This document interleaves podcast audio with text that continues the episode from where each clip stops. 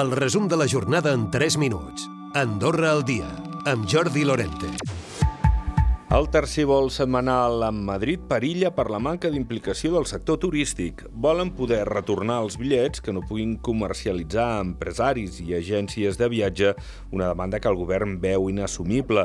De fet, el ministre en funcions, Jordi Gallardo, ha dit que si la setmana que ve no ratifiquen el compromís d'adquirir 1.300 bitllets, el projecte quedarà descartat. Ens costa que facin el pas decidit des del sector, des del sector privat, per tant, aquesta última reunió, si em permet permet ser una reunió de caixa o faixa, no? Demòcrates reivindica que no hi ha cap executiu tancat i que el partit se centra ara a guanyar les eleccions. D'aquesta manera, la formació taronja vol desmentir algunes informacions que parlarien ja d'un repartiment de ministeris. En parlava el secretari general de Demòcrates, Jaume Serra. De noms de ministres, de noms d'ambaixadors, de, de com es composarà això, etc etc. És dir, jo crec, que, jo crec que hem de negar la major. Negar la major en el sentit de que si no s'han guanyat les eleccions, tot el que ve darrere no serveix per res. Com a partit el que ens fa por és que es creï la sensació sensació de que les eleccions que no n'hi ha començat ja estan guanyades. Això és el que ens fa por com a partit. L'acord d'associació amb la Unió Europea segueix sent motiu de divergències. Ara PS i SDP demanen que s'aturin les negociacions perquè un executiu en funcions no té el mandat per dur-les a terme en nom del país. Denuncien també que el fet que es mantinguin va en contra de manifestacions que el mateix govern havia fet en el marc de l'acord polític. També creu que s'haurien d'aturar les negociacions el president de Tercera Via.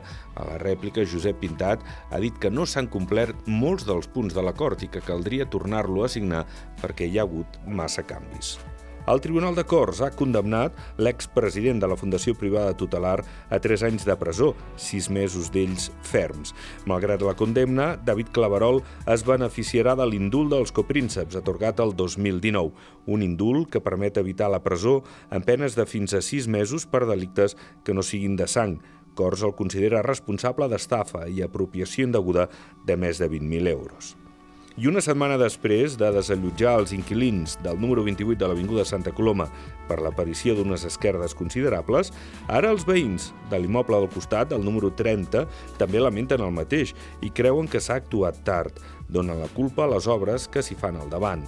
El propietari de l'edifici afectat és Gerard Lliset. Veiem que molesti perquè els tres edificis que estem davant de l'obra estem afectats en menys o més grau, o sigui, depèn, no? El que correspondria al comú, com la vorera, s'haurà de fer càrrec. La recuperació del moviment turístic es va consolidant. De fet, se superen xifres d'abans de la pandèmia. El país va rebre al gener prop de 746.500 visitants, un 17% més respecte a fa un any. Per cert, l'estimació de la població continua creixent al país. El gener es va tancar amb 81.565 persones.